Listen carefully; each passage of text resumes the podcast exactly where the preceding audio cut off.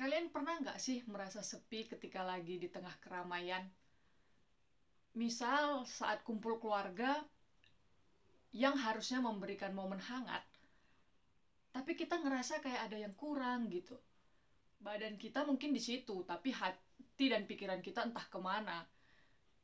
Atau misal kita bekerja dengan sangat keras, berharap punya duit banyak, kemudian dianggap sukses, terus setelah kenyataan udah diakui sukses, tapi kok kayak kayaknya bahagianya kurang gitu, ada aja yang kurang. kayak pengalaman pribadi. Memang sih hakikinya manusia itu nggak pernah puas. Tapi yang aku maksud di sini itu kayak ada missing piece di dalam hati yang susah untuk dideskripsikan. Seorang ahli sains pernah berkata, di dalam setiap hati manusia ada sebuah ruang kosong yang tidak dapat diisi dengan benda ciptaan apa pun atau kepuasan duniawi. Ruang kosong itu hanya dapat diisi oleh Tuhan Yesus Kristus. Di dalam Alkitab, kita bisa baca cerita tentang perempuan Samaria yang bertemu Yesus dalam Yohanes 4 perkataan Yesus dalam ayat 14-nya sangat menarik. Katanya begini, Tetapi barang siapa minum air yang akan kuberikan kepadanya, ia tidak akan haus untuk selama-lamanya. Sebaliknya, air yang akan kuberikan kepadanya akan menjadi mata air di dalam dirinya yang terus-menerus memancar sampai kepada hidup yang kekal. Artinya apa? Selama kita tidak mengizinkan Tuhan Yesus hadir dan memerintah atas hidup kita. Selama itu pula kita akan merasakan kekosongan di dalam hati. Kalau versi Alkitabnya bilang, walaupun kita minum bergalon-galon air, kita akan tetap merasa haus. Kalau kita bukan minum air yang Tuhan Yesus berikan. Menarik ya? Kemudian kita bertanya,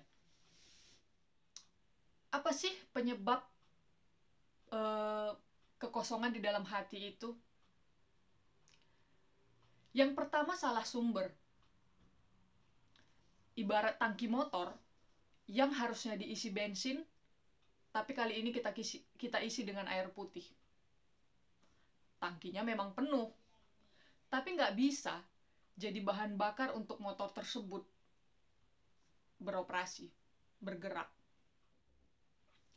kita mungkin sering berusaha mengisi kekosongan hati kita dengan harta, dengan reputasi, atau bahkan sering kita mencari cinta dari seseorang agar kekosongan itu bisa dipenuhin. Gak jarang juga kita melakukan hal-hal yang gak wajar demi untuk memuaskan kekosongan itu. Iya, ini benar-benar pengalaman pribadi. Tapi walaupun udah gitu, tetap aja ngerasa nggak puas gitu, nggak nggak nggak nggak terpenuhi kekosongan itu. Sampai akhirnya kita kecewa. Dan kekecewaan kita itu membawa kita ke, dada, ke dalam berbagai-bagai pencobaan. Bahkan dosa.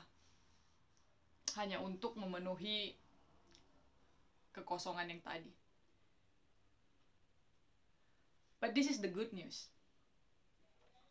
Di tengah-tengah kekecewaan dan keputusasaan kita untuk memenuhi kekosongan tadi, Tuhan Yesus tidak pernah berhenti mengasihi kita.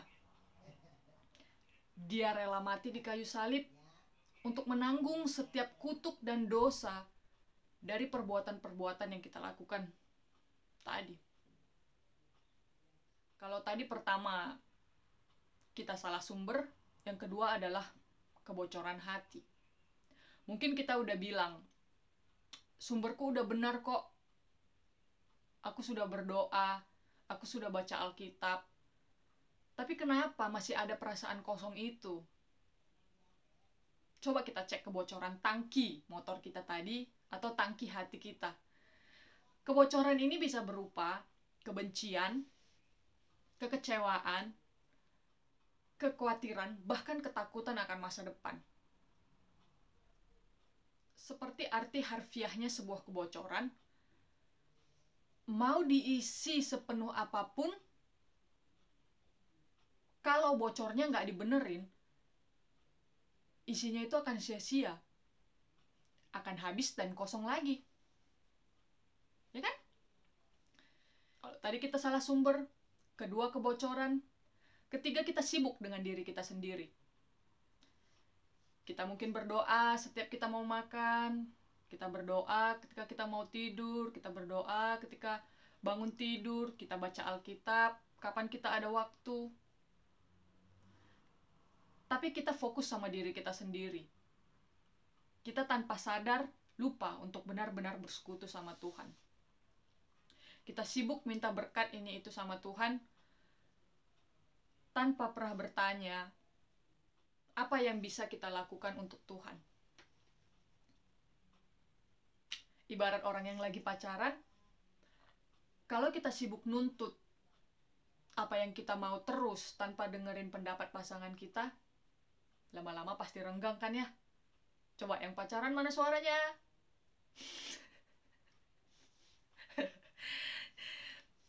dalam situasi inilah Yesus Kristus hadir sebagai jawaban. Dia telah datang sebagai air dan roti kehidupan bagi kita. Di dalam Yesus setiap manusia menemukan kepuasan dan kebahagiaan sejati. Dalam kitab Yesaya berkata, jika kita memperhatikan perintah-perintah Tuhan, kita akan memperoleh damai sejahtera seperti sungai yang tidak pernah kering dan kebahagiaan seperti gelombang laut yang tidak pernah berhenti. Kita bisa bayangkan sungai yang tidak pernah kering dan gelombang laut yang tidak pernah berhenti. Seperti itulah Tuhan menjanjikan damai sejahtera dan kebahagiaan untuk kita. Kalau kita memperhatikan perintah-perintah Tuhan. Berdoa adalah komunikasi dua arah. Ada saat kita yang berbicara, ada saat kita mendengarkan Tuhan yang berbicara. Jadi pastikan kita nggak terlalu fokus sama diri kita sendiri dan sama berkat-berkatnya Tuhan doang. Kita juga harus fokus sama Tuhannya, pemberi berkat itu.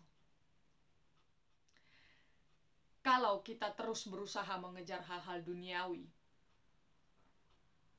ruang kosong itu akan semakin lebar, bahkan menenggelamkan kita, dan bisa menjauhkan kita dari damai sejahtera dan kebahagiaan yang seharusnya sudah menjadi milik kita. Seperti janji Tuhan dalam kitab Yesaya tadi. Buat kita yang mungkin saat ini merasakan kekosongan ini, siap untuk diisi, dipenuhi, dan dipuaskan, yuk kita cek sumber kita, jangan sampai kita salah sumber, kita cek kebocoran hati kita, dan jangan kita fokus sama diri kita sendiri. Yuk, fokus sama Tuhan dan bersekutu sama Tuhan. Mari kita berdoa. Tuhan Yesus, kami percaya kepadamu. Kami tahu bahwa Engkau mengasihi kami anak-anakmu dan ingin memulihkan hati setiap kami Tuhan. Tuhan hari ini kami mengundang Engkau masuk dalam hati kami yang kosong dan mengisinya dengan penuh. Tinggallah senantiasa di dalam hati kami Tuhan dan pulihkan hidup kami. Karena hanya Engkaulah sukacita dan kebahagiaan kami yang sejati. Mulai hari ini Tuhan, kami siap dipimpin oleh Engkau. Hanya di dalam nama Tuhan Yesus kami berdoa. Amin. Thank you guys.